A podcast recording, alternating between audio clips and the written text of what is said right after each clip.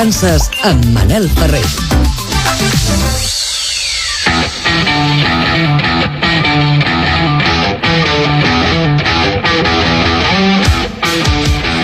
Deu i 4, benvinguts de nou a l'Obert per Vacances. Nosaltres seguim en ruta, anem ara fins a Constantí, a l'empresa Ona Safe and Clean, que ha estat la primera, la primera, eh, a crear un dispositiu monitoritzat que s'introdueix dins de les boies flotants per tal que aquestes puguin enviar informació a temps real sobre l'estat de la mar i altres paràmetres ambientals per usos quotidians. L'objectiu és que els ajuntaments, els municipis costaners disposin d'aquesta informació i puguin utilitzar-la, per exemple, per determinar el color de la bandera que ha d'onejar les platges catalanes. Saludem a la companya de Constantí Ràdio, Noelia Silvero. Què tal? Bon dia, Noelia. Molt bon dia, Manel. Doncs sí, parlarem avui d'Ona Safe and Clean per conèixer aquest projecte de boia anomenat Ona Douglas, que va començar l'any 2019 i que actualment ja es troba al mercat. Uh -huh. Doncs per endinsar-nos en aquest projecte t'acompanya un dels socis de l'empresa constantinenca Ona Safe and Clean, en Moisès Cruanyes. Moisès, com estàs? Bon dia. Hola Manel, què tal? Molt bon dia. Gràcies per estar avui a l'Obert per Vacances, per posar-nos una mica en context, explicar-nos una mica a què es dedica la vostra empresa i quins són els objectius de tot plegat. Bé, la nostra empresa, el pilar fonamental de la nostra empresa eh, és el disseny eh, i fabricació d'embarcacions i equips de neteja mediambiental marina. Uh -huh. Aquest seria el pilar fundamental de l'empresa. Ona safe and clean, ona segura i neta, no? Uh -huh. Daunada, no? I llavors, bueno, eh, intentem fer, doncs, que intentem, doncs, eh, posar èmfasi en la segura i neta, en el nostre objectiu d'empresa eh, i entre, entre ells hi ha la fabricació d'embarcacions de, i altres productes, com ara avui parlarem de les boies, també. Doncs avui en parlarem i també et volia preguntar, perquè sou dos socis, avui tenim la, la sort que ens acompanyis, també t'acompanya en aquest projecte en David Curto. Explica'ns una mica d'on veniu els dos i què us porta a dedicar-vos als dos plegats en aquest entorn nàutic? Bé, nosaltres som titulats nàutics eh, i per tant amb, amb en David, que és el meu soci, ens van conèixer estudiant i, i de seguida vam, vam, vam fer doncs, amistat i vam veure doncs, que potser seria hora de fer alguna per intentar mitigar l'efecte, en aquest cas, l'efecte dels plàstics flotants en el mar, no? sobretot. I a partir d'aquesta doncs, inquietud vam començar doncs, a, a buscar informació, a crear doncs, el nostre producte, les nostres embarcacions, els nostres equips eh, propis, per intentar, doncs, a mica a mica, intentar doncs, eh, revertir aquesta tendència que tenim doncs, de, de plàstics en el mar flotant, que tant estan doncs, ara mateix doncs, a la, amb, amb, amb, bueno, amb problemàtiques doncs, mediambientals, no? que se les mengen les tortugues, que arriben a les platges, en fi, va ser aquesta la, podia ser doncs, la, la nostra, diguéssim, inici, el punt d'inici de l'empresa i dels objectius de l'empresa, no? de, del disseny i fabricació d'equips, de, en aquest cas embarcacions, i entre altres, eh, mediambientals marins. Molt bé, Moisès, i explica'ns d'on sorgeix el projecte pioner de creació d'aquests dispositius monitoritzats i quina funció tenen un cop s'introdueixen a les boies? Bé, aquests dispositius eh, es van començar doncs, a, a pensar en el transcurs d'un viatge que anem bastant sovint a les Illes Balears, perquè a Balears a dia d'avui doncs, el tema del turisme, del sol i platja i el, i el tindre les, les aigües ben netes anem bastant sovint, tenim algunes embarcacions treballant a Balears i tenim altres projectes i en aquestes d'un viatge que vam fer Balears cap a l'any 2019 doncs vam veure que, que, que, bueno, que hi havia uns temporals, hi havia un mala mar a les platges i que els socorristes posaven les banderes i es van comentar doncs, eh, amb quin criteri posaven les banderes verda o vermella o, o groga en aquest cas no? i ens, ens van comunicar que era un criteri personal, una perspectiva una, una sensació personal de cada socorrista avalada eh, per al seu responsable de, de, de zona però que era una, una percepció, no? Era un, no, no, era un, no era una dada empírica, no? científica.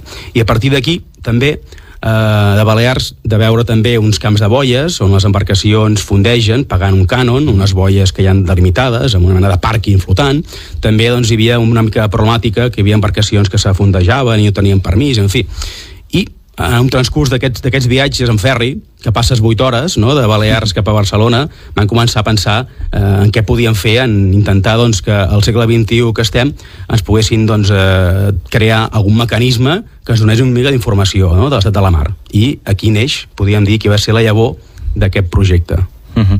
Durant el 2022 i gràcies a una subvenció dels fons eh, FEDER vau poder instal·lar una cinquantena d'aquestes boies Douglas eh, en diversos punts de la costa catalana de casa nostra. Mm, amb aquestes, què veu poder constatar d'aquesta prova pilot? Quin resum en podríem fer? Bueno, eh, Manel, en principi van fer una, altra, van fer una petita eh, projecte de cinc equips en el 2019-20 gràcies als cupons Indústria 4.0 de, de la Generalitat de Catalunya. Van fer cinc, cinc, eh, cinc equips que vam eh, vam llançar l'aigua a diferents eh, zones interessants perquè al, a prop hi havia boies de l'Estat, boies de l'Estado, por tot l'Estado té diferents boies oceanogràfiques, molt poques, a Catalunya en té tres, a Palamós, a Barcelona i a Tarragona, i vam intentar col·locar unes boies nostres d'aquests cinc equips a la vora per començar doncs, a monitoritzar i a validar eh, els aquests equips, no? perquè eren bastant novedosos. I després, veient que funcionava, o que tenia gran capacitat de funcionar, gràcies al fons FEDER l'any passat van, van poder col·locar 50 boies el que passa que van col·locar-los a, a l'estiu, no? i a l'estiu mm -hmm. és com més gent de la platja, però menys gent hi ha a el que és eh, en els ajuntaments, no? els tècnics i regidors i tal, és un mes una mica inhàbil, Clar.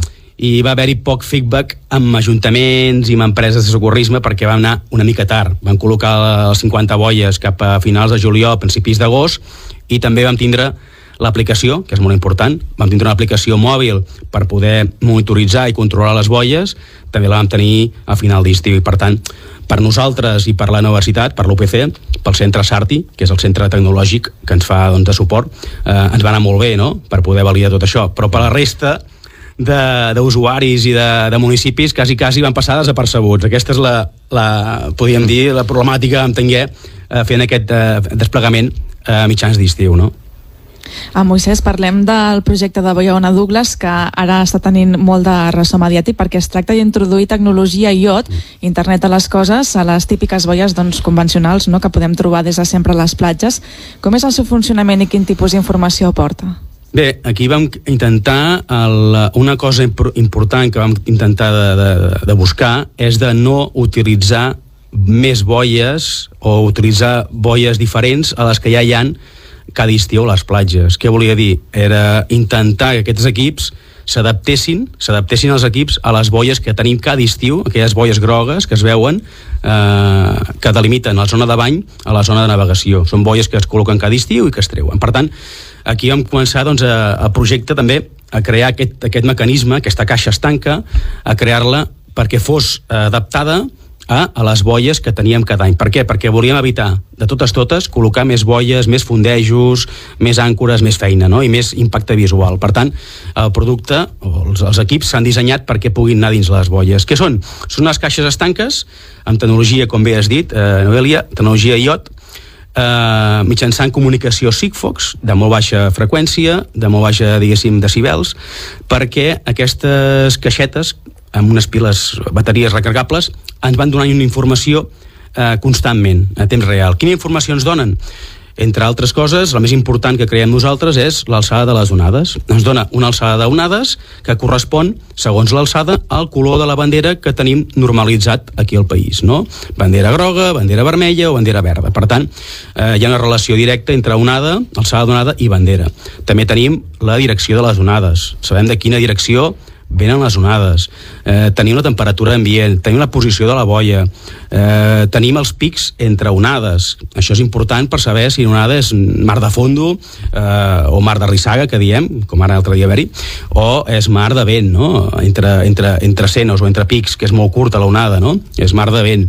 Bueno, tenim aquesta informació que a part tot això es va, es va creant un banc de dades mm. que podem descarregar amb un Excel, amb un Excel dinàmic, podem descarregar la boia d'on sigui, de Roques Blanques, la boia de, de qualsevol platja, i la descarreguem per dates i tenim una relació de eh, l'estat d'aquella boia durant aquell període de temps, d'un mes, de dos mesos, d'un any, tenim l'alçada de l'onada que feia tal dia, tal hora, i podem fer una, una gràfica dinàmica veient totes les, diguéssim, totes, aquests, eh, totes aquestes dades eh, com han anat evolucionant, com ha anat canviant i, i bueno, és una miqueta doncs, una informació que a dia d'avui no es té, eh? a dia d'avui no tenim cap informació de l'estat de, la, de, la, de la mar mm. a, a nivell de, de costa, de litoral. Eh? Doncs és una informació que cal eh, moltíssim. Eh, Nosaltres avui també et volíem eh, preguntar, perquè sabem que Cambrils és un dels municipis que s'ha mostrat interessat també en adquirir aquesta boia i també la Diputació de Barcelona. No sé si també als municipis eh, costaners ens explicaves doncs, els bons resultats que pots tenir si es van a poc a poc interessant i us demanen doncs, també saber com funcionen, com adquirir-se,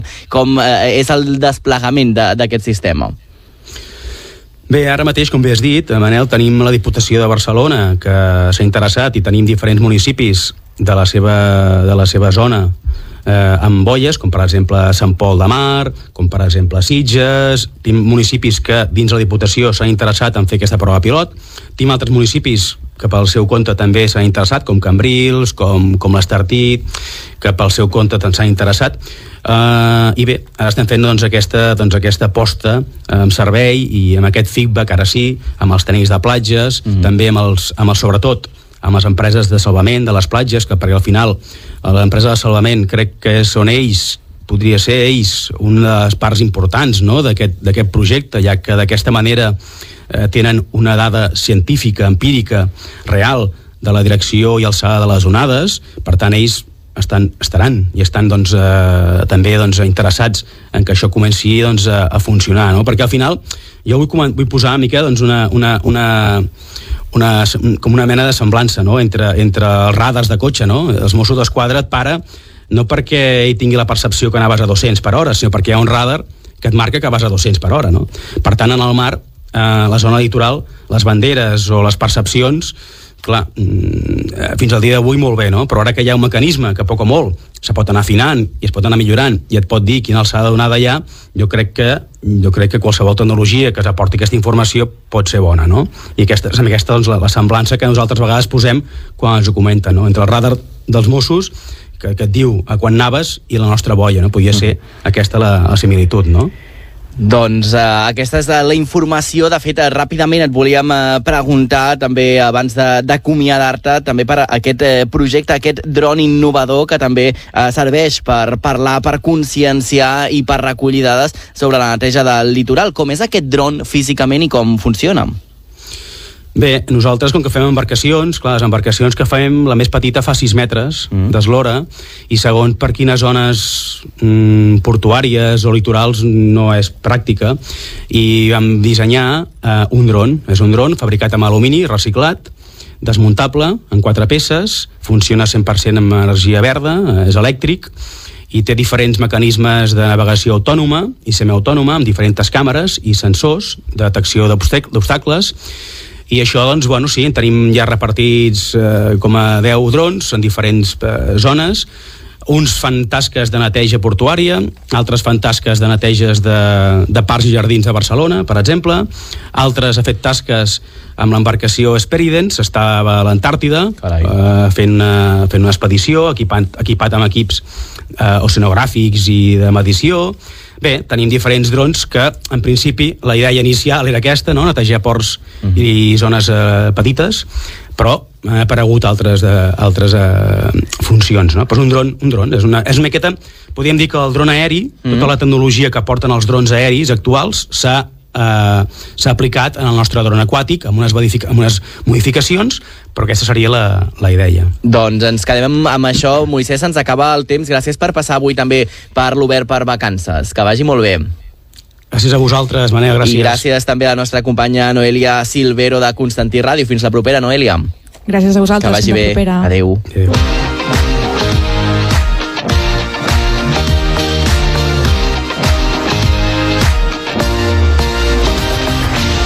I amics, amigues, a l'Obert per Vacances hem d'estalviar. Avui el nostre estalviador, l'economista Ramon Morell, recomana prestigiar i recuperar la tradició de fer guardiola, malgrat avui no moltes famílies tenen capacitat de poder fer aquest raconet. Amb la periodista Laura Alcalde repassem els trucs per omplir la nostra guardiola, la guardiola de casa.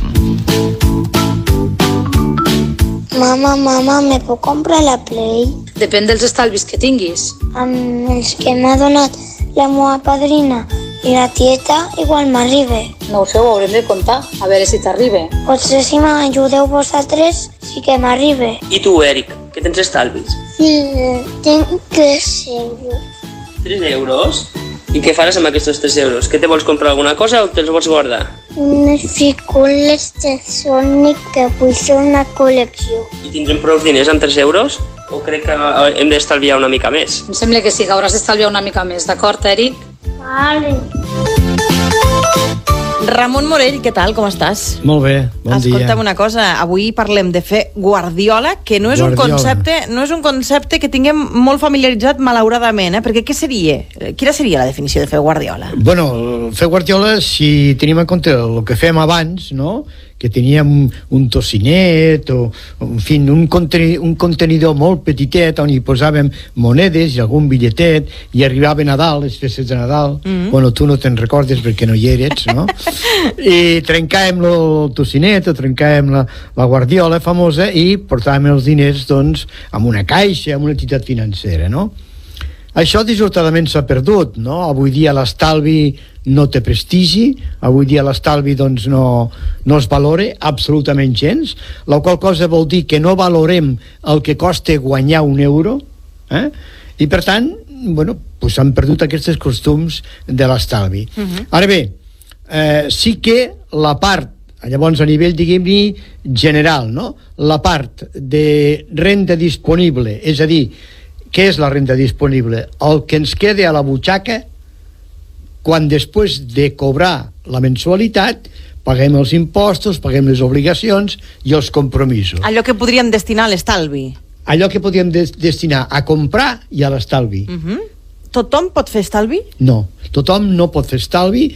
Mira, aquí a Espanya, a l'any 2022, eh, l'estalvi eh, va, eh, va pujar, o era, el 2022, era el 7,2% de la renda. Uh -huh. És a dir, per cada 100 euros, no?, per cada 100 euros que tu te quedava per gastar, n'hi podies guardar 7,2. Uh -huh. Però clar, què passa? Que això és un promig, que això és un promig de totes les famílies espanyoles. I clar, totes les famílies espanyoles no tenen els mateixos ingressos i per tant no tenen la mateixa renda. I llavors, pues, molts el que fan és un estalvi que se'n diu forçós. És a dir, part d'aquest estalvi, uh -huh. que curiosament aquest primer trimestre del 2023 aquest estalvi ha augmentat, Bones notícies. bones notícies, uh -huh. però també ha augmentat. Per què? Bueno, perquè una raó de que hagi augmentat és que ha baixat el consum. O sigui, que els diners que s'han destinat a consum han baixat respecte als trimestres anteriors. No hem consumit tant, no hem gastat tant, hem pogut estalviar, Estalviar, una mica. sí. Què vol dir estalvi forçós? Pues vol dir que jo no puc gastar més perquè els preus pugen, perquè els preus són alts i com que veig que els preus continuaran pujant, estalvio per poder fer front a el consum necessari i imprescindible futur. Ara, vull dir, l'estalvi, i prova d'això és que a l'ESO, a quart d'ESO, nens i nenes de 15 anys, hi ha una assignatura optativa, encara no és obligatòria, uh -huh. és optativa, que se'n diu finances. O sigui, abans d'explicar economia, expliquen finances. És com aquell metge que abans de ser o ginecòleg, o uròleg, o pneumòleg, o el que sigui, pues, li ensenyen això abans de medicina. No, primer fan medicina i l'especialitat ve després, no? Sí, finances seria una especialitat de dintre de l'economia. Exactament, de l'economia. Per tant, que expliquin primer economia i després no. Per què? Bueno, perquè hi ha un neguit per part de totes les autoritats de tot el món que l'estalvi és per gastar. I com podem prestigiar aquest estalvi, Ramon? És a dir... Eh... Jo el prestigiaria pues, amb desgravacions fiscals.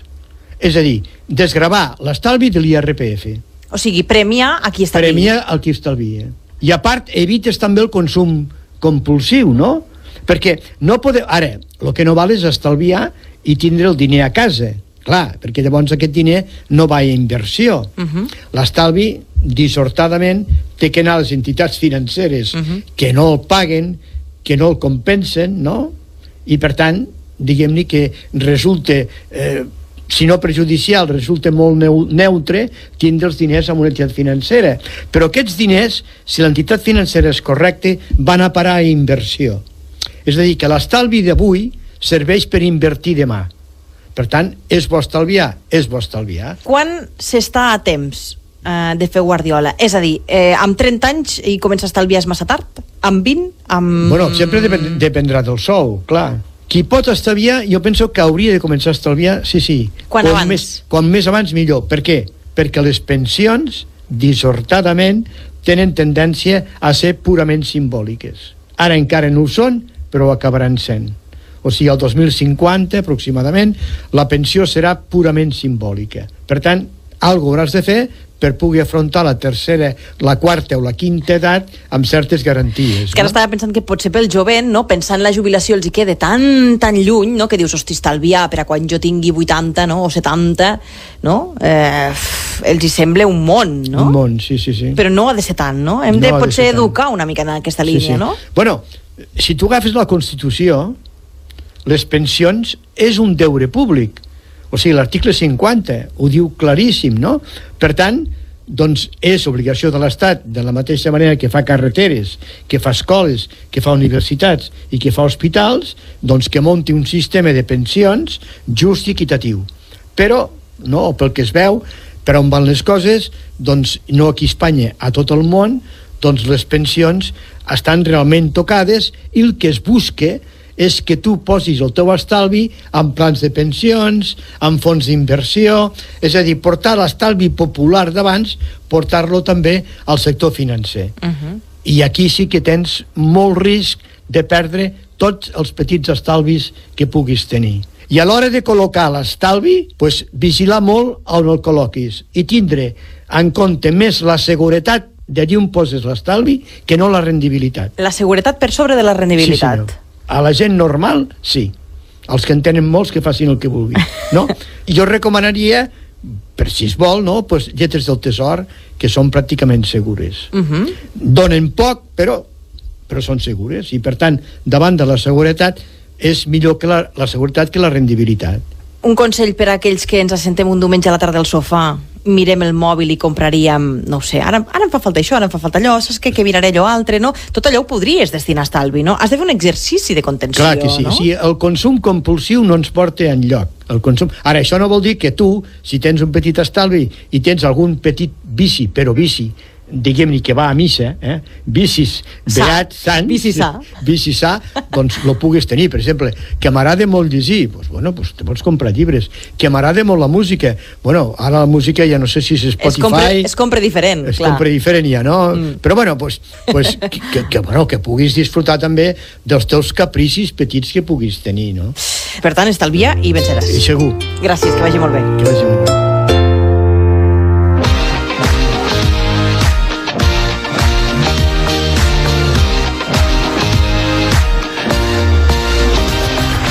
Avui hem après a fer guardiola amb l'economista l'economista Ramon Morell i la nostra companya Laura Alcalde. Per tant, estalviar una mica sempre que puguem. Ja ho sabeu, aquests episodis els podeu trobar sempre que ho vulgueu, a l'hora que vulgueu i el dia que vulgueu, a la xarxa Més.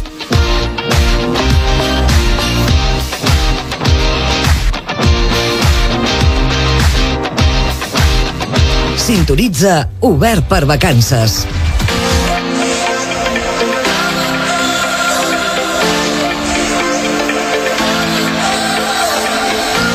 I al collita pròpia d'avui, la cosa estem molt mariners, eh? estem molt pescadors, perquè avui anem a pescar tonyina vermella a la costa d'Ametlla de Mar. Ho fem amb els companys de la Cala Ràdio i amb la nostra amiga Laia Oltra.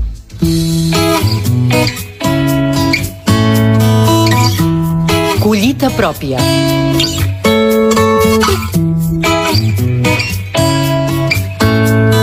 Descobrim els secrets del producte quilòmetre zero. Nom. Tonyina vermella. Nom científic. Tunus tinus. Indret on viu. Es distribueix pel Mediterrani i per l'Atlàntic Nord. Temporada. La temporada és des de l'abril fins al juny.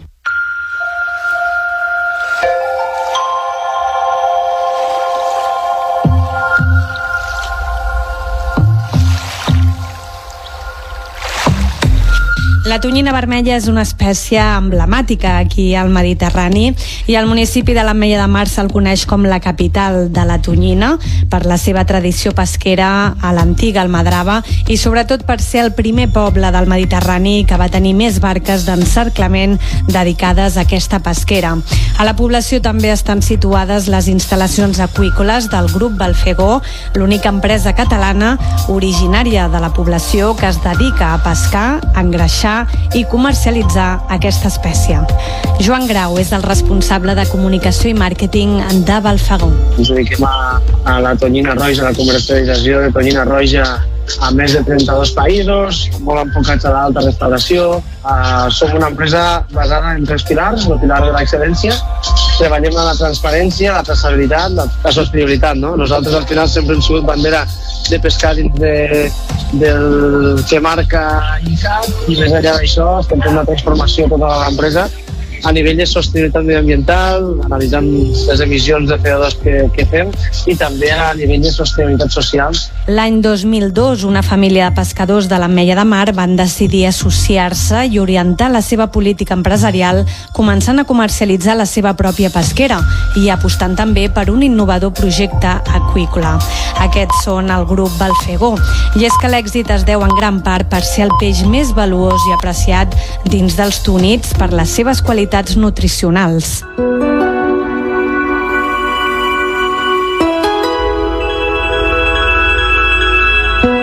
La pesca de la tonyina vermella per això s'ha fet des de fa més de 7.000 anys. Els grecs conservaven la carn de la tonyina en oli d'oliva o en salmorra i també la fumaven. Els romans consumien la tonyina fresca, mentre que els cartaginesos i els fenicis la salaven per conservar-la i menjar-la durant més temps. Els pescadors de l'Ametlla de Mar antigament pescaven la tonyina amb la tècnica de l'almadrava, nom que bateja el nucli veí de l'almadrava que delimita limita la població amb l'Hospitalet de l'Infant. Miquel Brull és el patró major de la confraria de pescadors de l'Ametlla de Mar. La cal ha sigut històrica, la, la, la tonyina, no? ja podríem començar des de fa molts anys, el tema de la, de la, de la madrava, no? així se li va posar a l'organització perquè allí, allí es calava la madrava, o sigui que el poble sempre ha estat vinculat a la tonyina. Recordem, ja, pues, ja estem parlant de potser fa 40 anys o més, no?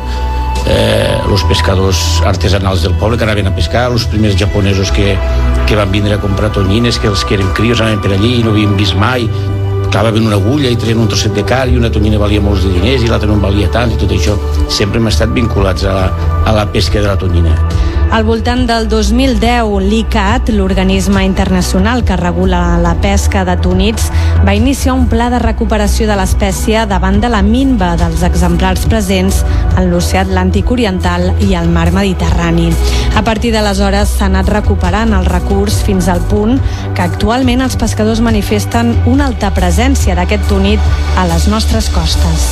L'any 2010, després d'unes de, dècades que, que havia arribat espècie en una situació molt, molt preocupant, que l'havien ficat a la llista d'espècies de, en perill d'extinció i tot, però a partir del 2010 a Samanco, eh, gràcies a una sèrie de un programa de recuperació que se va adoptar el 2010, va posar unes mesures tècniques ja de protecció, poca sort que van tenir en condicions ambientals favorables per a la recuperació de la tonyina, doncs se va observar la recuperació extraordinària a partir del 2010, diguem però és que s'ha estabilitzat un poc, hi ha indicadors que indiquen estabilització, però a un nivell altíssim. De fet, des de l'ICAT també ho corroboren i el coordinador del programa de recuperació de túnids, Sancisco Alemany, així ho ha explicat. Actualment, a causa del seu valor comercial elevat, només es pot pescar complint les mesures legals establertes per la Unió Europea que garanteixen la prevenció de l'espècie. Concretament, el grup Balfegó aquest 2023 ha pescat un total de 2.830 tones que és la quota permesa, i ho ha fet en només 6 dies. De fet, pescadors d'altres modalitats, com els de les arts menors, també reclamen tenir més quota, la qual respon només al 2,8% de la quota total a tot l'estat espanyol, lluny del 25% que s'emporten els d'encerclament o les almadraves. Mentre que pescadors del peix blau de l'arrossegament també manifesten que haurien de poder capturar aquesta espècie accidentalment, o fins i tot els recreatius. Demanen més més quota permesa. Pedro Tarol és membre delegat de la Federació Catalana de la Pesca Esportiva. Llavors la quota s'acaba i en el moment que s'acaba ja no pot sortir ni a captura i solta. O sigui tenim una, una setmana per poder eh, anar a la captura i solta de la tonyina. Això a nivell recreatiu. A nivell esportiu és que tampoc es permet que sigui un objectiu de, de captura en un concurs encara que sigui captura i solta. Algo que és contraproduent perquè un dels sectors que més ha ajudat al control de les tonyines fent marcatge ha sigut el sector recreatiu. Un repartiment desigualitari entre pesqueres d'aquesta espècie que en molts casos fa posar el crit al cel als pescadors. En definitiva, un producte molt preuat que actualment abunda al nostre litoral i que així esperen que sigui durant molts anys els amants del sushi i els japonesos.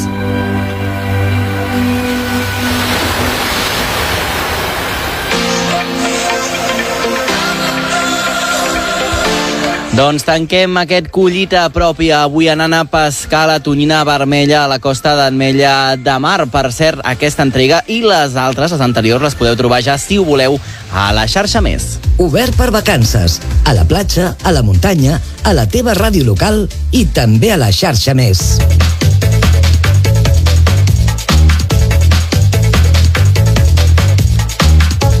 Passen 4 minuts a dos quarts d'onze del matí. Arriba el moment de contactar amb els nous, en aquest cas amb en Miquel Giol, que ens ha comentat avui al principi del programa, recordeu, que es trobava a Manlleu, això sí que ens ho ha dit, i que estaria en una fàbrica d'aliments. De què va això, Miquel?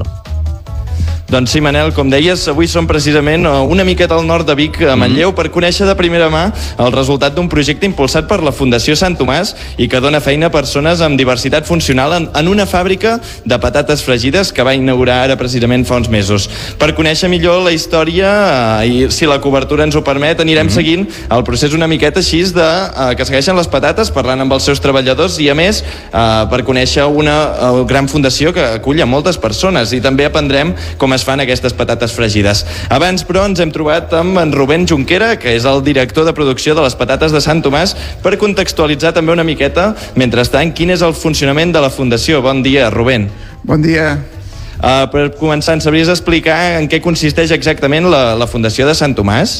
Mira, la Fundació de Sant Tomàs és una fundació que té ja 55 anys i que neix fruit de la iniciativa d'unes famílies de persones amb discapacitat eh, intel·lectual per eh, millorar la qualitat de vida d'aquestes persones i de les seves famílies. Allò que fa 55 anys tenia un caire molt assistencial, eh, amb els anys ha anat agafant un caire normalitzador de la vida d'aquestes persones. Uh -huh. I l'entitat, des d'una escola d'educació especial fins a llars, fins a eh, respondre a les necessitats laborals de les persones, intenta cobrir totes aquestes necessitats amb la màxima normalitat. I actualment qui forma part d'aquesta fundació? Doncs mira, actualment som més de 900 persones, de les quals una part és un col·lectiu de professionals i la gran majoria persones amb discapacitat, i el que, el que fem és això, és en tots els àmbits de la seva vida mirar que portin una vida plenament normalitzada. És a dir, muntar la seva vida, ajudar-los a organitzar la seva vida d'una manera que la, que la societat no fa i que si es fes els hi permetria poder viure d'una manera totalment normal. Uh -huh. Uh, Mònica, Miquel, estem uh, molt encuriosits des de l'estudi i estem intrigats per conèixer el funcionament d'aquestes uh, patates fregides. Com va començar aquest projecte i en quin punt es troba actualment el, el projecte? Mira, el projecte de les patates fregides s'inclou dins de l'àmbit professional de, de Sant Tomàs. Eh, volíem tenir un producte que poguessin comercialitzar, que fos un producte sorgit de la terra, mm. que fos un producte que el, la ciutadania pogués compartir, la pogués portar a taula i pogués gaudir un, un diumenge fent un, fent un vermut amb nosaltres, i que alhora fos un tipus de feina que les persones que formen part de la nostra entitat poguessin fer en solvència. I les patates fregides eh, compleixen aquests tres requisits. D'aquí va sortir la, la iniciativa, eh, va ser un temps llarg de, de maduració en què hem anat desenvolupant el projecte, però ara ja és una realitat. Doncs si us sembla, mentrestant comencem a fer oh, el recorregut tant, que passen que sí. aquestes patates per les diferents màquines. Exactament en aquesta primera màquina que tenim aquí, quin és el primer punt del procés que passa a les patates fregides? Mira, les, les patates fregides que fem aquí a Sant Tomàs les fem de forma artesanal i aquí el que tenim és patata, oli d'oliva arbequina i sal. No hi ha res més Per tant, com comença el procés? Amb patates. Ens arriben directament del, del camp amb la sorra, amb les pedres, amb, amb tot, i el primer procés és rentar aquestes patates i pelar-les. Mira, precisament aquí tenim una de les treballadores que està en aquesta zona. Uh, bon dia, com, com et dius? Olga, em dic Olga.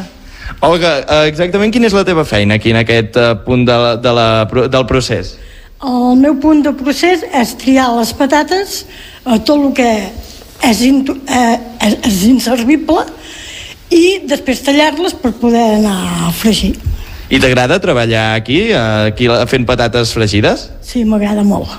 I, I és divertit, a part? Sí, molt divertit. Doncs moltes gràcies, Olga. Continuem fent una miqueta el, el recorregut per aquesta zona. Uh, mm. Per altra banda, quina és la següent màquina que trobem, Rubén? Doncs mira, les patates un cop estan eh, pelades, netes i pelades, el següent pas és eh, tallar-les finetes perquè es puguin fregir. Aquest és, i, I un cop eh, tallades, ben fines, van eh, directament a la fregidora. I exactament, eh, per anar contextualitzant una miqueta, com arriben aquí les persones que eh, treballen en aquesta fàbrica i que eh, formen part d'aquesta fundació, al cap i a la fi? Sí. A l'àmbit laboral de, de Sant Tomàs tenim 337 persones que treballen en el Centre Especial de Treball. Aleshores, eh, totes aquestes persones, o una bona part d'elles, tenen possibilitat de treballar a la fàbrica de patates. Ara mateix, avui n'hi tenim 5 d'aquestes 337 treballant aquí i, és, diguem-ne que mm, un altre dia poder, poden ser aquestes 5 o poden ser eh, alguna altra de les persones que tenim a l'entitat. Mm -hmm. molt, molt bé. Si avancem una miqueta més, veiem que tenim una, una mena de cinta on van corrent totes les patates i cauen a dins d'una olla plena d'oli. Quin és el procés que segueixen aquí exactament? Sí, com et deia, un cop tallades, les fregim. Aleshores, la fregidora és com a casa, seria una fregidora, el mateix procés que, que faríem a casa o que faria una xurreria, només que a una escala una miqueta més gran. Estem parlant d'una fregidora amb 600 litres d'oli. Carai. Eh? Aleshores, aquestes patates, un cop fregides i escorregudes, tenim un procés que els hi treu l'excés d'oli que fa que siguin suaus i que no siguin gens greixoses, passen per una cinta de triatge, que és on treballa l'assumpte. Eh, l'assumpte fa una feina de control de qualitat molt important. Precisament aquí tenim amb nosaltres l'Assumpte. Hola, Assumpte, què tal? Bon dia. Bé, bon dia. Exactament, eh, què és el que fas tu aquí en la, en la fàbrica? Patates. Tries les patates? Sí, les cremades i totes les dolentes. I estàs contenta de poder treballar aquí? Molt, m'agrada molt. I què els hi diries, eh, per exemple, ara a la gent que ens està escoltant des de casa? Per, per, què- quin missatge els enviaries? No ho sé. Què? Home, que mengin gran- patates, no? Exacte. Que mengin Que mengin patates. patates, eh? Doncs una miqueta, això, és- això és el que t'agrada, no? També a, a seleccionar les patates. Sí, la feina que faig. Doncs moltes gràcies, eh, que, que vagi bé i gràcies per atendre'ns aquí Miquel. un momentet. Digue'm. Jo tinc una, una pregunta pel Rubén, perquè ara escoltàvem doncs, l'assumpte, i jo vull saber també una mica quin és el procés eh, de formació pel qual passen els treballadors i treballadores abans no comencen doncs, a fer aquestes tasques tan importants que ens estàveu ara explicant. Sí, la, la tasca de formació a la nostra entitat és molt important perquè es tracta de detectar eh, quines són les, les capacitats de les persones, allò que saben fer més bé i col·locar-les en el lloc adequat. Uh -huh. Aleshores, primer hi ha un procés en el qual se'ls hi fan diverses proves, amb el qual veiem les seves habilitats. Per exemple, l'assumpte que veiem fa un moment és una persona que té un criteri de qualitat molt alt, té molta facilitat per detectar allò que és correcte d'allò que no és correcte. Uh -huh. Llavors, un cop detectada la persona, eh, les habilitats de la qual lliguen bé amb la feina que, que fem, se li fa una formació teòrica, se li fa la formació de manipuladora d'aliments i després se li fa una formació pràctica durant un parell de setmanes a la, a la planta, abans no pot quedar-se sola en el lloc de treball. Doncs és interessant, Precisament, eh? això que ens expliques, eh, Rubén, perquè suposo que també eh, doncs aquestes eh, habilitats eh, o, o aquesta manera d'accentuar-les que ara ens explicaves, eh, també aquesta estada que fan i aquesta feina que fan amb, amb vosaltres també els hi serveix pel seu terreny i el seu àmbit personal, no? per relacionar-se, eh, per estar en contacte amb un món laboral, per tenir una rutina, és a dir, que també els beneficien en el terreny personal. Indiscutiblement. És a dir, jo mm, eh, porto ulleres. Mm. Si em trec les ulleres, segurament la feina que, fa, que faig habitualment no la podria fer. Clar. En canvi, amb, si s'adapta el lloc de treball a mi i no al revés, en mm. aquest cas amb unes ulleres, jo sóc perfectament competent. Oh. És el que fem amb aquestes persones. Aquestes persones tenen dificultats per fer determinades feines. Si adaptem el lloc de treball a les seves capacitats en lloc de fer-ho al revés, aquestes persones són actius valuosíssims de la societat i òbviament se senten reconegudes i es converteixen en ciutadans com tu i com jo. Oh, i tant. Ara precisament hem vist l'assumpte tornar-se a posar la mascareta i anar fins a la línia allà on van passant totes les patates que ja han sortit de la fregidora Oh. i les van triant conjuntament amb dos o tres. Per cert, que no us ho hem dit, eh? Nosaltres també anem disfressats, anem amb una bata, amb, amb el protector de cabells i és, és, és més no, molt Escolta, curiós de ara, veure Miquel, i molt entretingut. estàs en el procés final ja, quan surt la patata? Esteu ja en el moment final de la patata o, o què, què, què, què tocaria ara fer? Sí, ara, ara ens ho explica en Rubén. Vinga. Sí. Ara ja la, la, la patata ja la tenim, eh? mm -hmm. ja la tenim fregida, passa al procés de salat, que és on li afegim la sal, n'hi afegim poqueta, perquè eh, nosaltres, com eh, comentava abans, fregim amb un oli d'oliva arbequina eh, molt suau, de molta qualitat i que li dona un gust molt peculiar. Si li afegíssim massa sal, el que faríem és matar tots els aromes Clar. que aquest oli ens deixa en la patata. Per tant, la deixem ben bé al punt de sal i, i el següent pas ja és passar a l'envasadora on l'envasem en el format que toqui. Avui estem fent bosses de 170 grams. Doncs aquestes bosses, eh, hem de saber també, eh, Miquel, on es venen les, eh, les bosses, les patates, on les podem adquirir nosaltres com a consumidors? Doncs mira, eh, estem en- actualment en, en 350 punts de venda mm -hmm. eh, a 26 comarques de Catalunya i al Principat d'Andorra. Carai. Sí, sí, I, bé, i això només és el començament. Hem començat per aquí, però la idea és anar, anar creixent. Eh? Uh -huh. Doncs precisament és això, és un punt, eh, una, una part del mercat que és molt interessant. En quina situació us trobeu actualment? En resultats, diguem, del mercat, esteu satisfets? Eh, Com funciona actualment el mercat de les patates fregides de Sant Tomàs? Estem molt satisfets. Estem eh, en el punt en el qual, quan havíem dissenyat el projecte i preparàvem el, el pla, eh, l'estratègia comercial i el pla de, de venda, eh, estem en el punt que havíem previst eh, ser. Eh, ens hem fet eh, un lloc molt important a la nostra comarca natal, que és eh, Osona, i estem començant a sortir d'Osona amb molt bona acceptació. Eh, per tant, aquest és el, el nostre projecte i anem bé. Doncs ara aquí a la fàbrica, precisament... Ai, per, perdona, Manel, No, ara no. aquí a la fàbrica, precisament, ha passat una cosa espectacular, que la fregidora enorme s'ha aixecat amb centenars i Oh. centenars de patates a l'interior, ja Escolta. grogues, ben fetes, i les han abocat cap al costat, i ara passaran cap a la planta de triatge, allà on precisament hi ha l'assumpte que van que la coneixíem fa uns, uns minutets. Escolta'm, Rubén, jo estic aquí eh, salivant a l'estudi, estic pensant en aquestes patates cruixents que ens estàu eh, explicant. Ja saps que el Miquel Giol, el nostre company, és una mica els nostres ulls i també la nostra boca, sempre que sortim al, al carrer. Creus que li podríem deixar provar una patata i escoltar aquest crec en directe? Oh, i tant que sí. A veure. Xavi ens ajudarà. Uh, Xavi, ens pots portar unes patates perquè puguem sentir el crec al micròfon? Oh, Miquel, això m'ho hauràs de pagar a part, eh, després. Home, sí, sí, és, és, és, un, és un punt interessant, eh? Això. Aquest, aquest és justament un dels secrets del procés de que no us explicaré, que és el, el règim de temperatures mm. adequat per aconseguir això, per aconseguir aquest crec i per després i per aconseguir que la patata capturi la quantitat d'oli justa, ni més ni menys. Molt bé. Si n'agafa menys, queda, queda sense gust. Si n'agafa de més, queda oliosa. Mi- Mira, ara precisament ens porten aquí una bossa de patates. Mira, Carai. mirem ara aquí. I, I ara, a veure, anem a agafar una d'aquestes patates, a veure com, com estan. Moltes gràcies. A veure. Molt cruixents, eh? Tot s'ha de dir. Home, això és un luxe. Jo crec que no podíem acabar eh, aquesta connexió d'una altra manera que no fos amb aquestes eh, patates. Ja, escolta, Miquel, et falta al costat una begudeta fresqueta i ja t'hem solucionat el, el matí del dimecres, eh? No, sí, sí, però tot s'ha de dir que la patata està boníssima, Boníssima. eh? Amb el Doncs punt de sal, cruixent, Les molt bona, provarem. Eh, gràcies, Miquel, i gràcies al Rubén, a l'Assumpte, a tota la gent que també avui han obert les portes de casa seva a l'Obert per Vacances. Moltes gràcies. Moltes gràcies a vosaltres. Ara, si voleu, us envio un vídeo per xarxes perquè puguem fer també una miqueta de la difusió. Home, enviem els fàbrica enviem i- el, i el vídeo, d'això. Miquel, i unes patates també, perquè a mi m'agrada molt veure vídeos, però menjar patates una miqueta més, també, eh? gràcies, Molt bé, molt gràcies bé. als dos, Doncs que apa, vagi que molt vagi bé. bé. Adeu.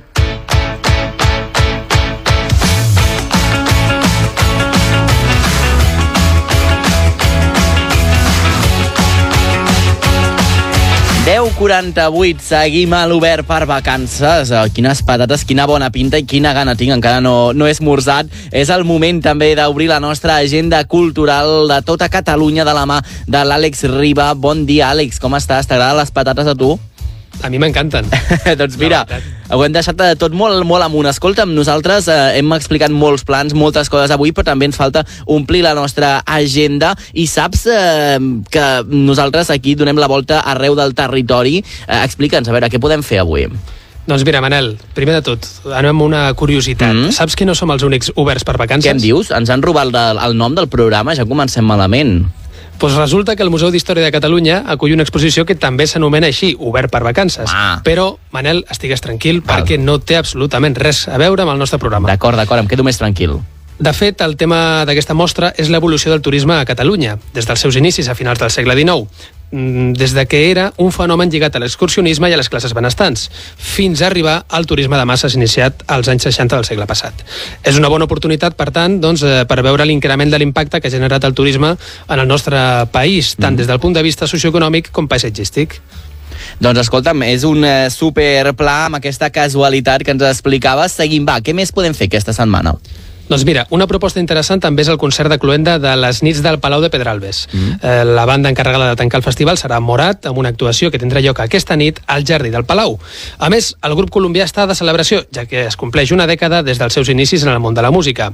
Els més despistats, Manel, no sé si tu ja tens entrada o no. Ah, no, no tinc entrada, però és veritat que m'agrada molt Morat, t'ho haig de dir, sí, sí. A tu t'agrada Morat o no?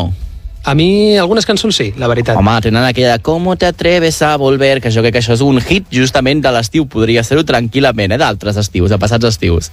Doncs mira, estàs d'enhorabona perquè si encara no tens l'entrada pots mm. aconseguir-ne una per preus que oscil·len entre els 90 i els 120 euros. Ho vaig comprovar ahir i encara hi ha entrades disponibles. Mm -hmm. Doncs escolta, on es poden aconseguir aquestes uh, entrades? A través del portal web, potser? Sí, correcte. Uh -huh. Correcte, correcte. Doncs allà podeu cercar aquestes entrades i, per tant, darrera oportunitat. Encara esteu a temps de poder anar a veure Morat al Palau de Pedralbes i explica'ns amb què acabarem l'agenda d'avui. Doncs per acabar, us porto un festival que vol promoure la reflexió sobre el patrimoni local i paisatgístic des d'una perspectiva de gènere. Uh -huh. Es tracta del festival Rigihiu, que, dona, que tindrà lloc perdó, aquest cap de setmana a la plana del Montsià, a les meravelloses Terres de l'Ebre. Concretament, l'esdeveniment pretén desestigmatitzar la mirada esbiaixada cap al món rural que sovint s'associa a un món poc civilitzat. L'artista del Canà, Vicent Matamoros, serà l'encarregat de donar llum verd al festival amb un espectacle titulat Últimes vivències de les cantadores. Zoraida Rosselló, codirectora del festival, repassa quins seran els plats forts del diumenge. Per acabar, el diumenge 30 de juliol eh, presentarem l'exposició El crit del Rijijiu d'Iris Muñoz al Museu de la Pauma a les 6 de la tarda. Allà mateix eh, tindrem un col·loqui entorn al gest i les noves formes d'art i a dos quarts de nou a les faixes tindrem eh, l'espectacle eh, de Circ Espera que és una companyia que fan coses precioses en fibres vegetals per aquells que tinguin el cap de setmana ocupat i no puguin anar, doncs que sàpiguen que el Riquijiu tornarà a l'octubre a Santa Bàrbara, al municipi on va néixer. Doncs escolta'm, eh, tenim tres propostes molt interessants per tots els eh, gustos. Eh, gràcies de nou, Àlex, per apropar-nos de nou la cultura de casa nostra a través de la nostra agenda. Fins demà. Fins demà, gràcies a tu, Manel. Obert per vacances. Busca'ns a la teva ràdio local.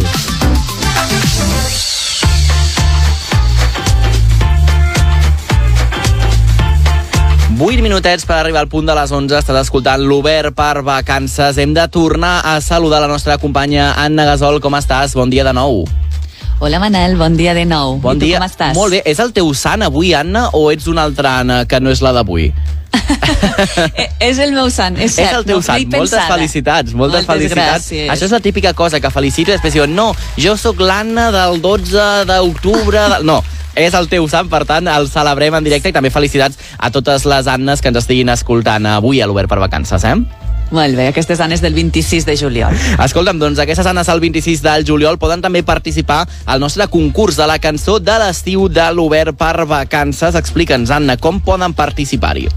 De manera molt senzilla, enviant un àudio al 628 841 055 Mm. dient qui són, com es diuen, on són o des d'on ens escolten i quina creuen que és la cançó de l'estiu. Tu ja ens feies una pista ara amb l'Àlex, eh? Exacte, Quina és la sí, que tu sí, creus? Sí, sí, jo hi ha una cançó, aquesta de Como te atreves, que per mi té pinta de que podria estar també en aquest eh, rànquing, i ja ho sabeu, eh? Si participeu podeu guanyar aquests 60 euros 60 que s'acumulen al vostre compte client del Bon Preu. És facilíssim. Si no teniu la targeta, la podeu fer ràpidament i gratuïtament a través del web del Bon Preu també a través de l'aplicació. I escolta, què ens han dit avui els nostres oients?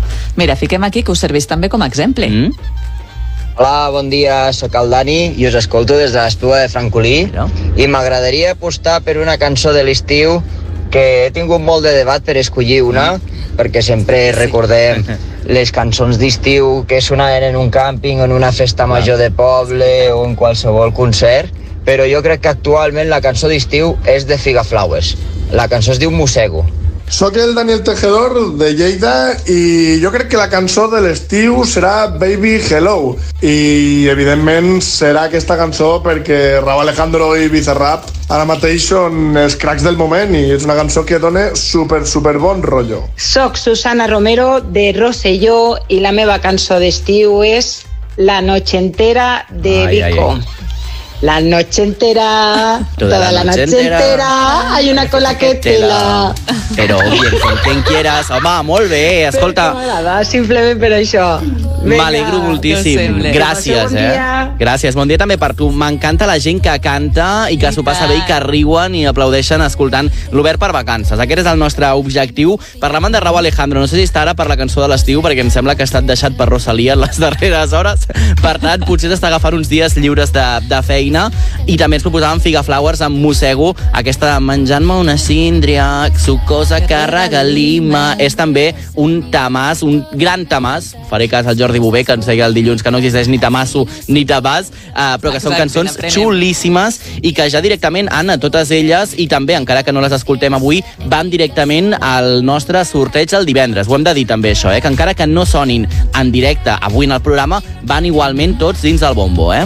Tots els àudios que rebem estan dins del bombo esperant a veure quin, quin surt el divendres. Doncs ja ho sabeu, i si voleu seguir participant, teniu tot el dia sencer, però també, Anna, tota la noche entera per participar al nostre concurs. Anna Gasol, moltes gràcies, que acabis de passar un molt bon dia de Sant i que ho celebris.